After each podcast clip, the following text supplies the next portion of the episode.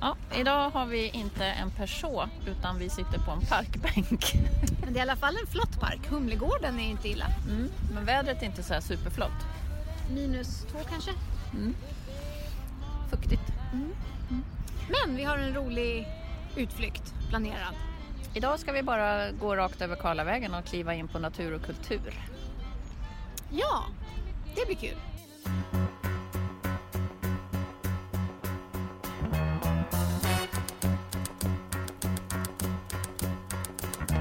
Det är jag som är Nina De är. Och det är jag som är Johanna de Valiant. Och vi tänker debutera. Eller dö. Tumble out of bed and I stumble to the kitchen. Pour myself a cup of ambition and yawn and stretch and try to come to life. Jump in the shower and the blood starts pumping. Out on the streets, the traffic starts jumping with folks like me on the job from nine to five. Working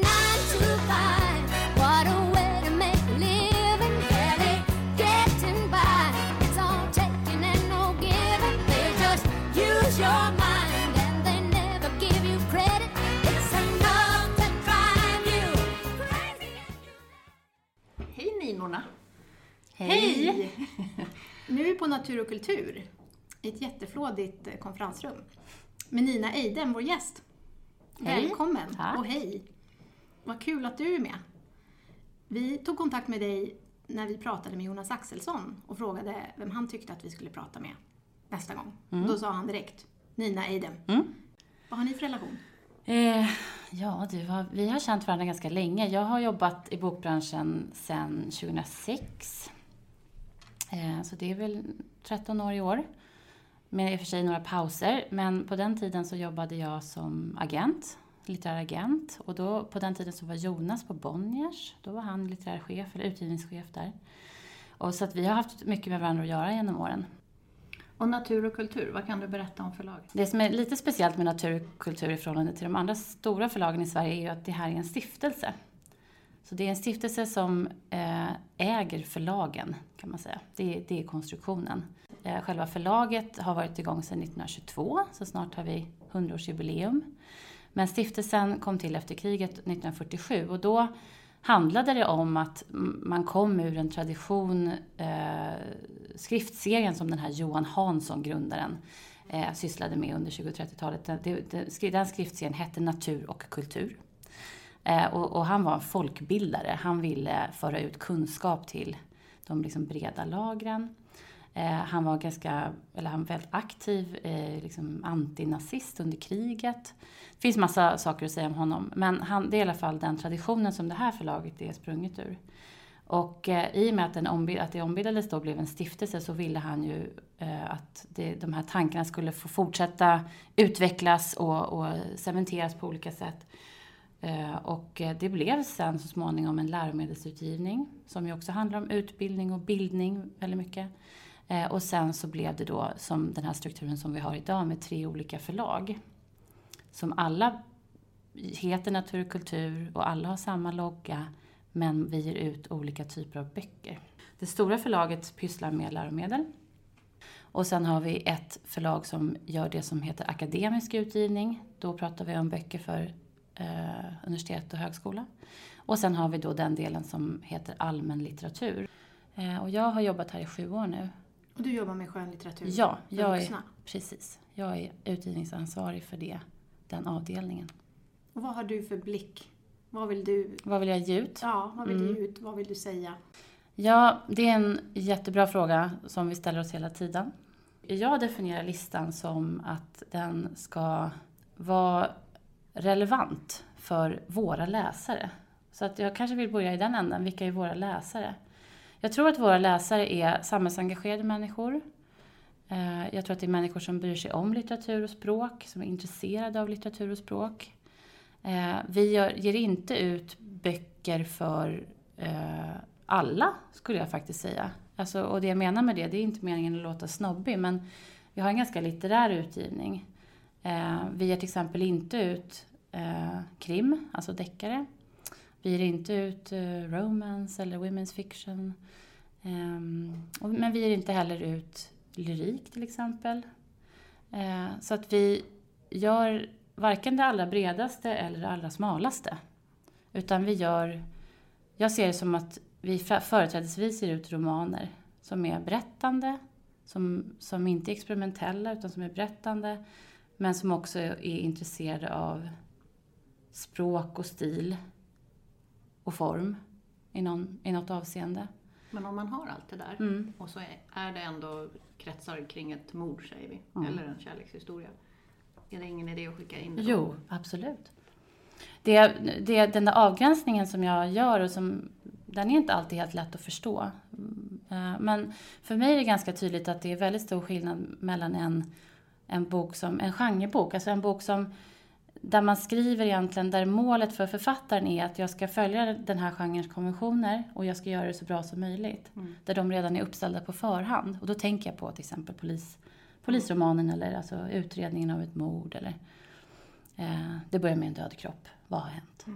Det skulle jag säga är en, en, en, eh, eh, en genre där man, där man kan vara hur bra som helst. Men det är, det är en genre och det är inte romanens genre. Utan romanen är någonting annat. Romanen vill någonting annat. Och, eh, så att naturligtvis kan man skriva om vad som helst i en roman. Och det vill jag gärna att man gör. Det är jättespännande att se när man kan eh, författare som kan eh, liksom, i, skapa nytt och, och på något sätt liksom också kanske gifta ihop genrer. Mm. Men jag tycker att några av de mest intressanta böckerna som jag har gett ut på senare år har verkligen varit sådär fria i hur de har velat berätta historien.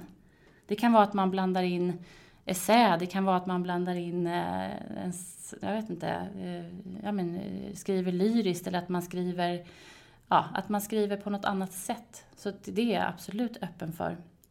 Och skulle man vilja skriva en superintressant liksom, samhällskritisk roman som handlar om ett mord, då får man göra det också. Skicka in, gärna. Hur mycket manus läser du per vecka? Ja, alltså vi har ju lite eh, ordningar för det där, tack och lov. Det är inte så att det bara liksom dräller in och man sitter i så här, med högar av papper. Liksom, utan Det är så det gärna ser ut från utsidan. Ja, jo men okej, det beror på hur ordningsam man är. Jag har, eh, försöker nu att ha lite så här att där ligger de grejerna, där ligger de grejerna. Annars är det lätt att man drunknar i papper faktiskt. Men Förlåt, en detaljfråga Ja. här nu. Skriver du ut dem? Jag blev bara nyfiken på att du Eh. ens en gång har en hög med papper. jo, men det har jag. Jag läser alltid på Du papper. printar. Mm, jag printar. Ja, helt Jo, men- nej, men det- nej, men det gör jag. Jag vill bara ha den här bilden Ja, mig. alltså min kollega, vi är två förläggare på skönlitteraturen och min kollega Steven han eh, läser mycket på platta vet jag. Mm. Han redigerar nog inte så, men när han läser manus så läser han dem på skärm. Men jag gör inte det. Jag blir så trött i ögonen så att jag föredrar att ha det liksom i händerna. Yes, it's a good day for singing a song, and it's a good day for moving along. Yes, it's a good day. How could anything be wrong? A good day from morning till night. Nej, men vi har ju manusmöten på förlaget och eh, så att det, det, vi är en hel grupp. Vi är både förläggare och redaktörer i den gruppen. Och eh, det sker ju liksom en, eh, ska säga, en, eh, det är en, en stegvis process där en redaktör tar emot, eller vi har en manusinkorg. Sen är det en redaktör som helt enkelt sitter och går igenom allting som kommer in. Eh, och tittar på det och bedömer, skulle det här kunna vara någonting för oss? Eh, och då görs det ett första urval. Och sen har vi ett manusmöte där även vi förläggare är med och då tittar vi väldigt noga ska jag säga på det som den här redaktören eh, har valt ut. Mm. Så att, och så tror jag alla förlag arbetar och sen kan man ha olika fördelning av vem som gör vad och sådär. Men, men poängen är i alla fall att allting blir tittat på, allting blir bedömt. Men det som bedöms av flera personer i en grupp som så att säga kommer in till vårt manusmöte som vi har då med viss regelbundenhet. Det är eh, det som eh, det som vi tycker verkar intressant, det som vi tittar på flera stycken. Poängen med att vara flera stycken är ju att litteratur är som jag tänker att alla vet, det är ju väldigt subjektivt naturligtvis vad man gillar. Jag tror att man kan prata om en slags objektiv kvalitet faktiskt också. Jag tror man kan säga, jag måste nästan tro det som förläggare, att jag kan se att det här är bra och det här är mindre bra. Men sen betyder inte det att allt som är bra ska komma ut och allt som är mindre bra inte ska komma ut. Eh, utan det handlar också jättemycket om vad man har för typ av utgivning. I vårt fall så på skönlitterära sidan så gör vi kanske 20 till 25 titlar per år. Eh, och av dem så är ju ett gäng översatta. Och av ytterligare de som är kvar av de svenska författarna så är ett gäng eh, sådana författare som vi jobbar med återkommande, som kommer med sin andra, eller tredje, eller fjärde, eller femte bok. Så att den platsen som det lämnar för en debutant är ju faktiskt, om vi ska vara helt uppriktiga, det är kanske en eller två böcker per år som är debutanter hos oss. Eh, och det innebär ju att det är klart att jag tackar nej till massa bra saker. Eh, och därför, det är därför det finns, liksom, det finns ju olika mottagare av det man gör.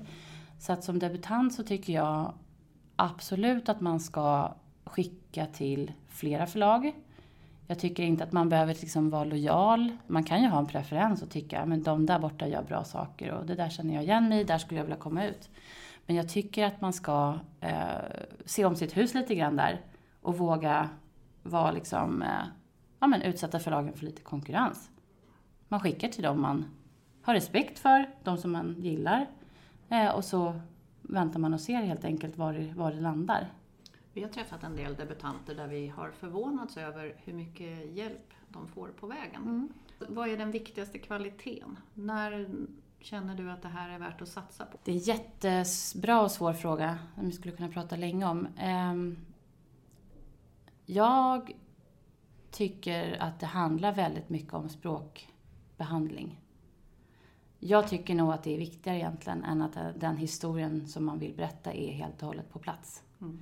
Därför att det är sånt som man kan få hjälp med. Det, det som är svårare att tillägna sig, det är en konstnärlig vision. Eh, alltså, hur låter jag? Vilket är mitt språk?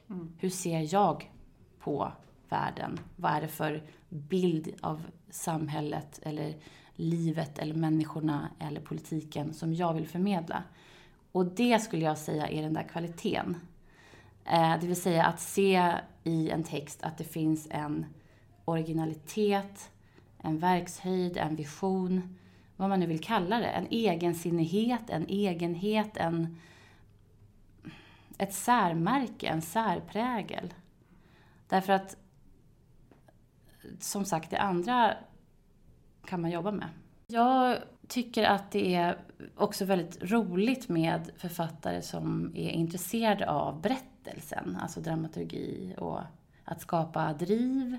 Eh, och, och det är väl någonting som vi diskuterar hela tiden, alltså vad, tyngdpunkten, nu sa jag liksom att jag tycker att det är, kanske är viktigare för mig att se att någon har en, en stilistisk kvalitet eller en, en språklig kvalitet i början. Men jag tycker att berättelsen naturligtvis, eller dels vad man har att säga, men också hur, alltså, vad, hur, man, hur man berättar, att det också är någonting som eh, är en jätteviktig del av bedömningen. Du vill ge ut böcker som säger någonting, Mm, som har en bra språkbehandling. mm, Och sen kan du, jag som författare, få hjälp med, mm. med ja, storyn. Ja, så skulle jag säga. Det är väl en bra sammanfattning. Men vad ger dig pirr då, på jobbet?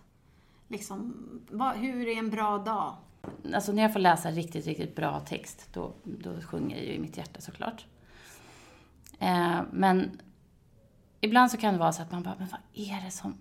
Vad är, är den här, vad handlar det här om? Jag, vad är det du vill säga liksom? Det är, du någonting på spåren. Ibland känner man sig så här lite som en...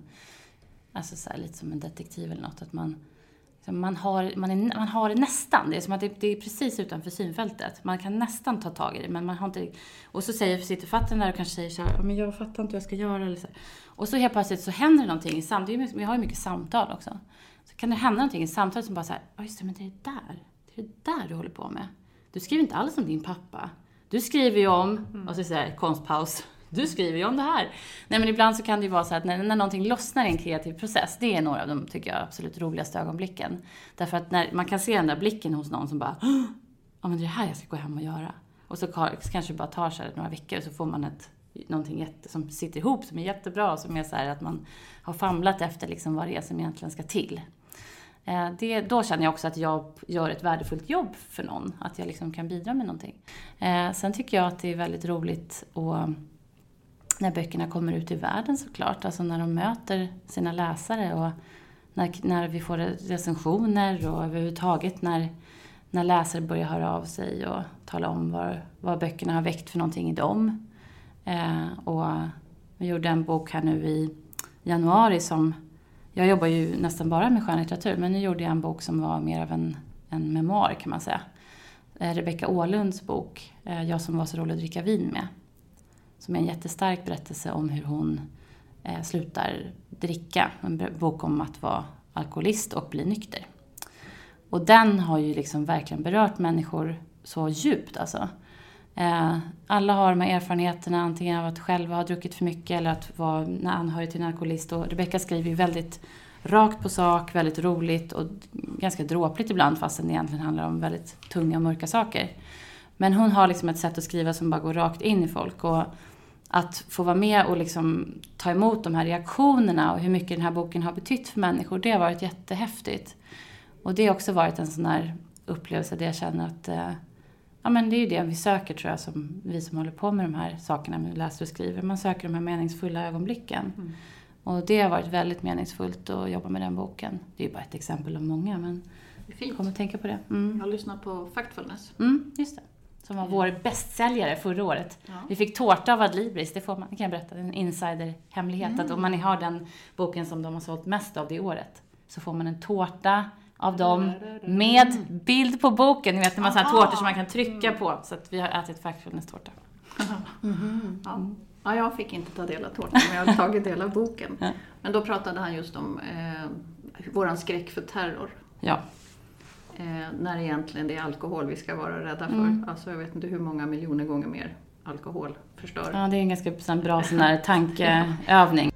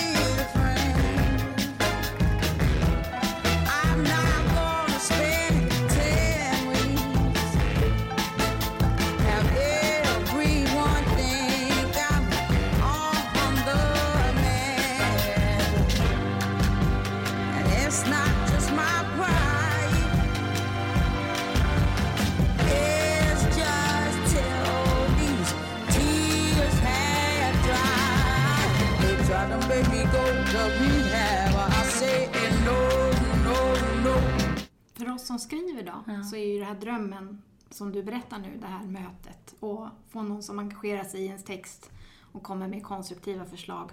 Skriver du mycket personliga mm, jag skriver, Jo, men det gör jag. jag eh, eller det beror på vad man menar med mycket. Men jag mm. brukar tänka så här att um, om jag har läst ett manus i, i dess helhet, så att säga. Om jag har läst från början till slut, från A till Ö.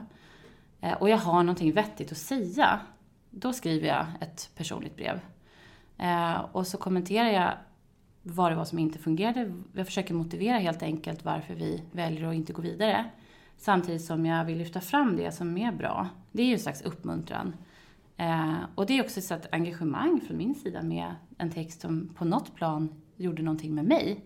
Och det känns ju viktigt att ta sig tid att skriva de där breven. Jag vet att på de större förlagen, men där har man ju lektörer alltså att man arbetar med, det kan ju vara författare och översättare, folk som inte finns i huset, men att man har liksom en stab av människor som, som, som läser manus, eh, som har kommit vidare då i någon sån här gallring som jag pratar om, och som skriver liksom ännu längre lektörsutlåtanden och skickar till författarna, eller de aspirerande författarna. Eh, och i vårt fall så har vi valt att inte göra så. Jag tror att det känns bättre att få ett nej från den som faktiskt har sagt nej.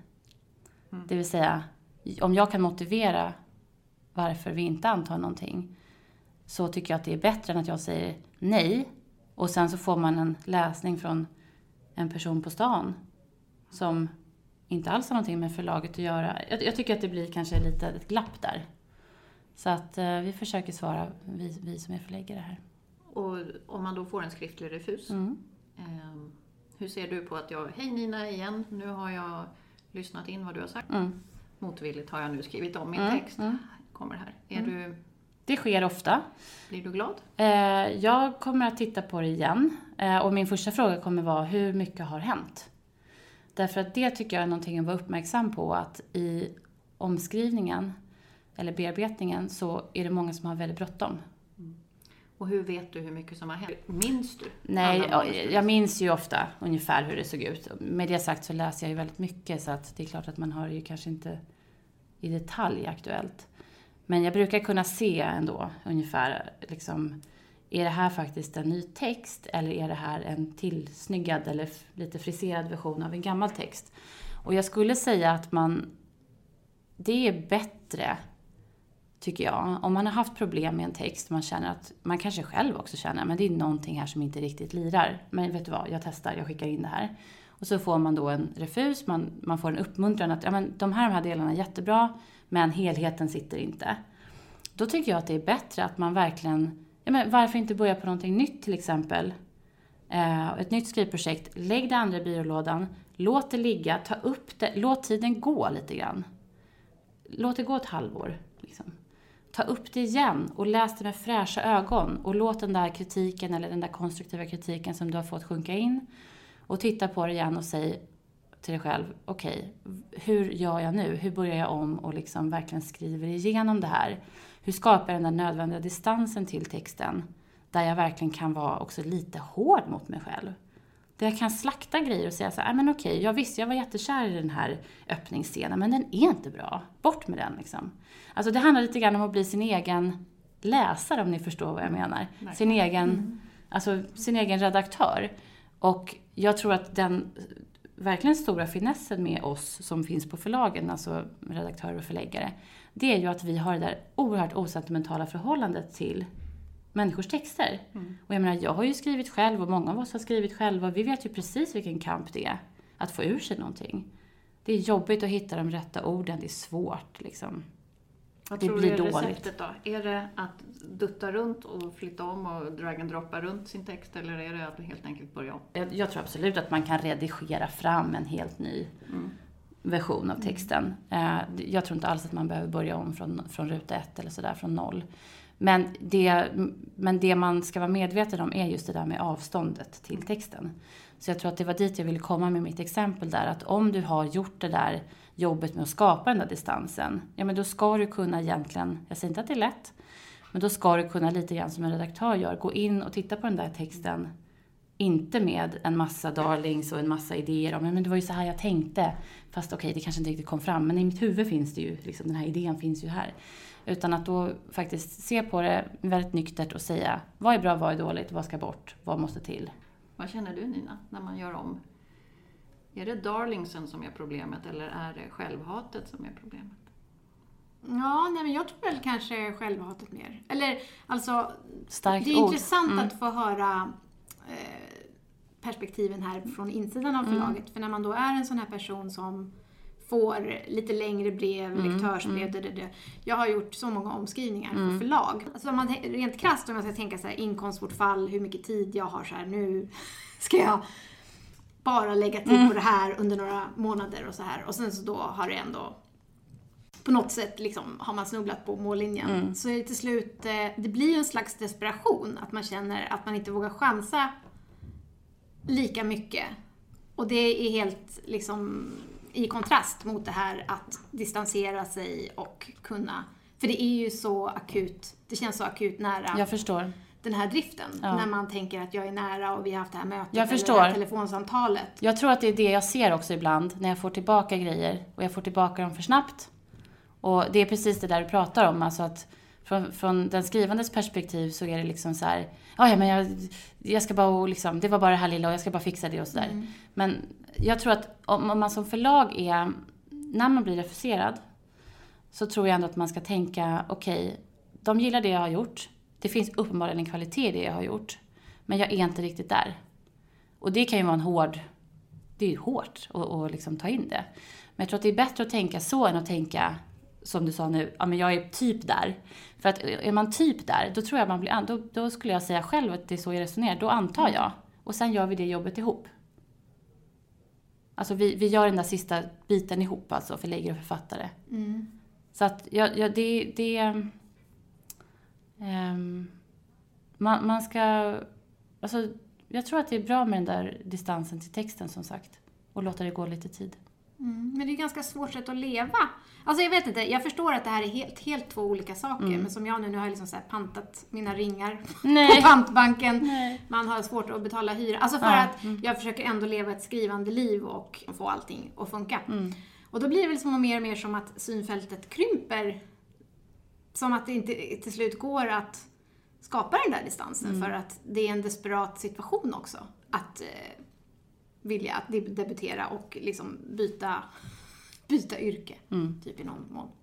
Men, men det jag menar då är att alltså, om, om du tycker att du får motstridiga läsningar från olika förlag, ja men plocka in lite andra människor då.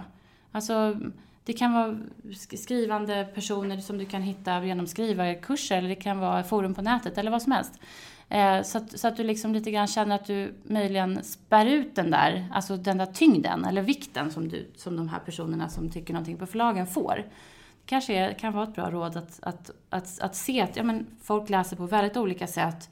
Och min uppgift som skrivande människa är att gå igenom den här responsen, ta den på allvar, men inte heller låta mig liksom, eh, du vet, kastas omkring av den, utan att, att försöka lämna det som jag ta- med mig det som, jag, som resonerar, liksom, som, som talar till mig på något sätt och lämna resten därhän.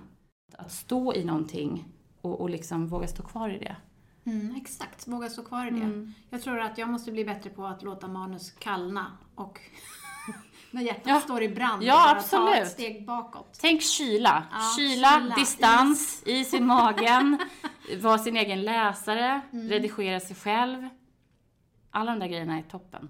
Cause it's a good day for paying your bills, and it's a good day for curing your ills. So take a deep breath and throw away the pills, cause it's a good day from morning till night. Jag tror en jätteviktig del, eller jag vet att en stor del av att, vara, att leva livet som konstnär är ju att misslyckas och att det inte blev som man hade tänkt sig. Så jag tror att det man upplever som, det blev inte så bra man hade, som man hade tänkt sig. Eller man fick inte så fina recensioner som man hade önskat. Eller man fick inte så många läsare som man hade önskat sig. Eh, Så är det nog hela tiden tror jag för de allra flesta författare. Det är liksom väldigt få som bara går från klarhet till klarhet. Ju. Vi har ju haft exempel på författare som har sålt under tusen ex av en bok och sen med nästa bok har det blivit en supersuccé till exempel. Så det, det, det är också från bok till bok natur, naturligtvis. Eh, och det, jag tycker att det, det finns en författare som jag ger ut, en amerikansk författare som heter Ben Lerner som jag älskar. Han har bland annat skrivit en liten essäbok som handlar om eh, det handlar om varför alla har ett så ambivalent förhållande till poesi. Men i den boken i alla fall så pratar han om det här med alltså glappet egentligen mellan vad man vill göra som författare och vad man kan göra. Alltså han har jättemycket fina, eh, roliga bilder för det där att jag vaknar liksom mitt i natten och tänker så ska scenen se ut. Eller så, ska- den här raden, den läser sig i mitt huvud, jag vet exakt liksom. Och så är det perfekt och det är fulländat och det är liksom, änglarna sjunger och det är allting bara stämmer.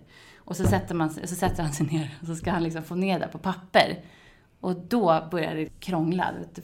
Orden är fel och det blir bara fel och det blir fult och det blir klumpigt. Och, men det var inte alls den där sublima, liksom, fantastiska, eh, perfekta meningen utan det var någonting som bara såg liksom, trist ut. Han skriver jättebra om det där och jag tänker att det är ju ett sånt där, det där kommer ju inte försvinna. Det där är ju liksom skapandets villkor. Och det är det där glappet, att man hela tiden vistas i det där glappet, det kanske också är drivkraften.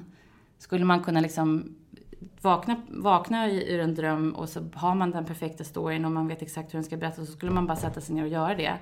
Jag menar, vad skulle det vara för poäng med det då? Alltså det är lite grann den här kampen också, den här, för att när det väl blir rätt då, tänker jag, när det väl sitter, vilken otrolig känsla är det liksom? När, när det verkligen så här, ja men nu blev det här som jag ville att det skulle bli. Så jag tänker att eh, man kanske kan se det där också som någonting, ja, jag hör ju vad du säger också, att du bara, ja men jag vill bara bli antagen. Ja, det är inte så att jag inte förstår det. Men jag tänker att om man zoomar ut lite grann och pratar om liksom villkoren för överhuvudtaget för konstnärer, skrivande människor och författare så, så är det där nog en del av paketet. And it's a good day for shining your shoes, and it's a good day for losing the blues. Everything to gain and nothing to lose. A good day from morning till night. Eh, din eh, reflektion där kring att vara skriva, en skrivande människa och hur får man till det? Alltså det är ju också det där att man kan göra det på många olika sätt. Eh, vissa eh, har ju ett skrivande som de ser mer som sitt brödskrivande. De kanske skriver ja, men snabbare produkter eller de kanske skriver eh, journalistisk text eller kundtidningar eller vad som helst. Och sen så kanske de har, eh, använder det, de finansierar sitt mer konstnärliga skrivande eller sitt friare skrivande eller vad jag ska kalla det genom ett annat sorts skrivande som är lite mer beställningsjobb eller så. Mm. Jag kommer ihåg eh, Andrea Lundgren, som är en av era författare, Mm. eh, kom just när jag gick på Skrivarakademin, deras skrivarlinje, och skulle hålla en föreläsning om eh, hur man ska försörja sig som författare. Hon stod där med sina fantastiska, då pistagefärgade lockar och berättade så här, ja men man skriver lite texter, man säljer in dem på ställen. Hon var så här 23, jag var redan då typ 32 och höggravid med mitt andra barn. Jag var så här, texter, vad, ska jag kränga några texter? Men då hade hon redan sagt att hon ja, var Just det, etablerad, hon var väldigt ung då antagen och sen hade hon då liksom jobbat sig in på lite olika håll så här. Så hon, ja, hur som helst. När man inte är där i den, eh, att man har jobbat sig in, så låter det väldigt flyktigt. Att liksom, lite snabba produkter. Men eh, för vissa kanske det går, eller på lång, på lång sikt. Men då tänker jag att man ändå ska ha debuterat och sen kanske någon vill ha ens text. Men innan är det lite mer en slags grop. Jag hokade på hennes pistagegröna lockar. Finns det något där? Det var en fin beskrivning. Mm. Litterär. Ja. Både hon och Isabelle Ståhl har Ja, lite coolt hår. Just det. Är det bra eller dåligt? Pistagegröna lockar? Ja. Eh, bra skulle jag säga. Då, eh, Jag vet inte, varför skulle Det det här vara bra? betyder liksom eller jag som sitter här som en mäklare Jaha, du menar så. Jag har Eh, inte... Jaha, du menar, ska du... Ska du Du menar det- PR-mässigt? gör om mig? Ja. Nej, jag tycker inte alls att du ska göra om dig. Jag tror kanske att Andreas och Isabells respektive hår, eh, mode reflekterar också dem, deras personlighet. ja, du säger att jag inte passar i grönt. Pistagegröna lockar. Jag låter det vara osagt. Nej men alltså eh, det här med att, eh, jag vet inte hur det, hur det ser ut så att säga från utsidan. Eh, Men det här med att man på något sätt ska bli liksom, att man som författare säljer någon persona, eller att man är liksom någon, det där tycker jag är lite olustigt alltså. Det, Man vill ju sälja sin text. Man Ja. vill ju få någonting att säga. Men det är väl självklart att i dagens samhälle man har ett face som ska ut. Så är det. Eh, det. Det finns en medielogik och den är vi alla insnärjda i på olika sätt. Eh, men jag tror kanske att man, jag vill inte låta liksom naiv eller idealistisk eller så, men jag menar det där, det handlar ju faktiskt också om att tillsammans med sitt förlag, med sin förläggare, med sina PR-personer hitta det där sättet att kommunicera det man har gjort på. Och i bästa fall så handlar inte det om att man har rosa hår eller så, utan det handlar om vad man har skrivit. Om det då inte är de gröna lockarna, vad finns det annars 2019 att tänka på för att liksom bredda sina chanser? Mm. Ja, men vi har varit inne på det här med att uppsöka lite bra miljöer. Det, det tipset tror jag stenhårt på. Nu har ju ni träffats på en skrivarkurs, så ni har ju inte suttit så här helt ensamma på era kammare, utan ni har redan tänkt den tanken och gjort någonting av den. Eh, men att fortsätta, faktiskt att fortsätta vara i sådana miljöer där man kan lära av varandra, liksom, där man kan utbyta, utbyta texter, ge varandra kritik, bli läst, läsa andra. Det tror jag verkligen på.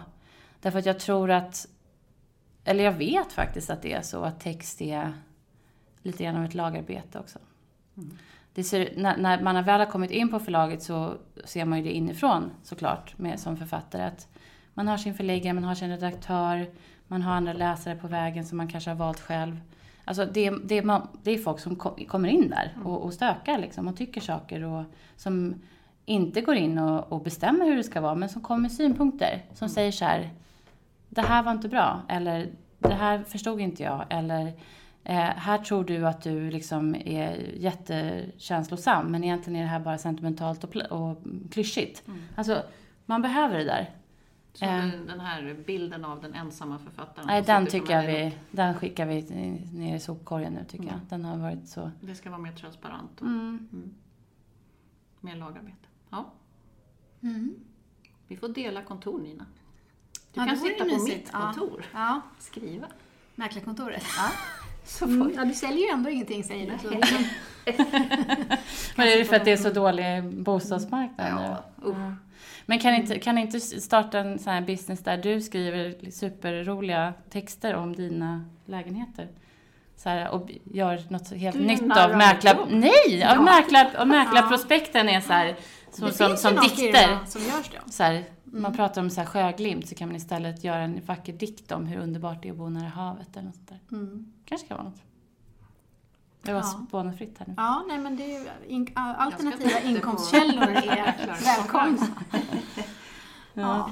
Ja, men, eh, Ja. men känns det så, du låter lite uppgiven här tycker jag. Känns det så att... eh, Nej men jag tror att jag... En rolig grej var att jag läste på Piratförlagets hemsida så här, har man haft kontakt med förlag ska man inte överdriva den kontakten. Och det är ju verkligen så att man tyvärr väldigt lätt gör för att kanske speciellt efter några år att det har varit några vänder och liksom man har satsats på någons perspektiv som man har trott på. Och när det då sen av olika anledningar inte blir, och det har varit ganska nära, så, så tror jag att det blir att jag kan känna nu så här, men om det kanske aldrig går, varför har jag då hållit på så här? Nästan så att man vacklar Ja, på vad man, om man har kanske bara inbillat sig att det kunde bli. Och då kan man känna sig lite som en idiot. Mm. Och det var väl därför vi sa begreppet självhat, att man inte Mm. till slut vet. Men det är, man studsar ju tillbaks för att Men känslan det är av att stå inför en, av, en avgrund och sen får man något halmstrå någonstans. Det är klart man grabbar det Mm. och äter upp det med hull och hår och kanske förstorar det. Tycker att det är en hel limpa fast det är bara ett litet korn. Det är någon, någon slags mindfuck som kan Mm. ske där i den där... ja. För det är den här sportvärldens visualisering. Vi har ju tänkt oss i Ja, TV4-soffan. just det. De första avsnitten var vi ju där varje gång. Vi har slutat prata om TV4-soffan, så kan jag säga. Ja.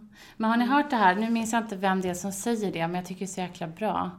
Ehm, att, liksom, vad är det att skriva? Det är ett väldigt paradoxalt tillstånd som både är att det man håller på med är det viktigaste som finns. Och samtidigt är det helt oviktigt. Det var Bengt Olsson som sa det, så var det. Och då sa han det där just om att, att det är så konstigt det här skrivande livet. För att å ena sidan så är det man gör, liksom, det finns ingenting som är viktigare. Å andra sidan så pågår allting omkring en precis som vanligt och man måste kunna ha de där två perspektiven i huvudet samtidigt. Jag tycker att det är rätt smart. Därför att, jag menar... Ja, man måste ju brinna för det. Det är det du pratar om. Det måste kännas som att ja, men det är tvingande att göra det här. Ehm, för annars lägger man av. Men samtidigt som man har det så, så måste man kunna liksom... Det är det där att kunna öka och minska avståndet till det man håller på med. Och det är egentligen det vi pratar om i skrivprocessen också, när jag sa det där med att skapa avstånd till sin text. Det är klart att när du skriver texten, när du är mitt i det, då är, text, då är, det, då är du här. Nu gör jag en rörelse där jag håller upp händerna framför ansiktet. Eh, man, är, man ska vara mitt i, man ska vara helt inzoomad, det är superpixligt liksom. Och sen så måste du kunna zooma ut och titta på det du har gjort. Och du måste kunna ha den där, du måste kunna vänja dig vid att göra den där rörelsen. Och jag tänker att det finns en parallell också till hur man tänker på det man håller på med. Att det är det viktigaste som finns och det är helt oviktigt. Jätteintressant. Det är som att behöva gå i körskola liksom, kring att försöka debutera. Ja, nej, men det är väl inte så dum metafor. Jag, jag, när jag skulle lära mig köra bil, vilket jag, jag säger att jag kan inte det, jag har körkort, men då var jag livrädd. För att den första, eh, jag tog det när jag var liksom så här 18, ja men 19 är man väl kanske, 18-19.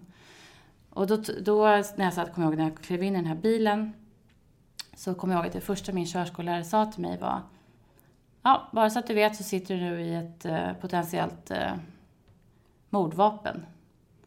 Och eh, om du gör någonting fel här så kan du eh, orsaka att någon dör. Och det var ju så här, men det var ju helt knäppt att han började med det. Och jag skulle faktiskt säga, jag kommer inte ens ihåg vad han heter, det var någon så här bastant gubbe med skägg liksom. Som, som jag än idag kan känna så här, okej men det där var inte så pedagogiskt och bra. För jag är fortfarande liksom pin, alltså det, jag är livrädd för att Bilen köra står bil. kvar parkerad. Nej men det har, det har ju faktiskt varit en katastrof. Jag tog körkort och sen har jag liksom aldrig kört bil. Och jag skulle vilja säga att det är hans fel. Men han, nu kommer jag, det här nu får vi se om jag får ihop den här parallellen. Men poängen var i alla fall så här. Han ingöt den här skräcken i mig. Så att för mig så blev det otroligt laddat att köra bil. Det kändes jätteläskigt. Samtidigt, för att överhuvudtaget kunna köra bil, det vill säga växla, gasa, liksom, kopplingen, gasen, bromsen, så måste man ju så här, ta det här perspektivet. Ja men här åker alla andra bilar runt och, och bara kör runt i de här rondellerna och man följer trafikreglerna. Det verkar gå hur bra som helst. Det verkar inte som att alla andra känner att de sitter i liksom, potentiellt liksom, mo- mordvapen här. Så, så det där är lite samma sak. Att liksom, å ena sidan bara låtsas som ingenting. Och å andra sidan så är det så här jättedramatiskt liksom. Jag skulle kunna ha ihjäl någon när jag sitter här. Ja. Ja, Det perspektivet måste jag släppa om jag kör bil. Och jag tänker att om man skriver så måste man släppa ibland det här, det här som jag håller på med är så otroligt laddat, det är så otroligt nära mig, det är så otroligt mycket av mig som ligger i det här och tänk om jag blir refuserad, är det mig de refuserar som människa eller är det min text eller vad är det som händer och bara liksom. Att, att man faktiskt har den där liksom bara, okej men ja, alla andra verkar ju köra runt här och ja, det verkar ju funka och folk skriver lite böcker. Alltså, ja, det är den där växlingen. Du nämnde att du har skrivit. Mm. Men Till vardags, blir du skrivsugen? Jo, men det kan jag bli. Eh, nu de senaste åren har jag hållit på med en grej faktiskt, en egen grej. Ehm, som, eh, som jag nu har låtit några personer läsa och det har varit jättespännande. Mm. Jättekul att få, eller kul, läs, läskigt och kul att få sätta sig på andra sidan. Eh, och plötsligt vara den som bara så här: okej, jag vet ingenting om hur du uppfattar det här. Jag hoppas att det här och det här har gått fram, har det det? Har det varit berikande? Ja, väldigt berikande, väldigt roligt. Ja. Ha så kul och lycka till med Tack ditt skrivande, detsamma! vi säga, Tack Nina. detsamma! Mm, vi brukar säga skriv som om det gällde livet Mm. i slutet.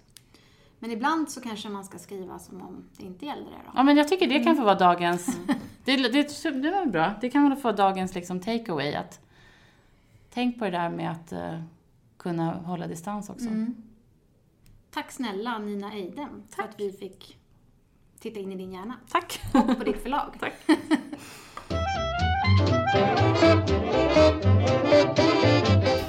Ja men Nina, mot nya mål. Nina tyckte vi skulle intervjua Bengt Olsson. Vi får väl se. Sen har vi lite andra napp. Napp. Ja, vi, vi har lite annat, vi har lite annat på gång också. Vi får se vad det blir. Så mm. hörs vi när vi hörs. Vi hörs. Tjing!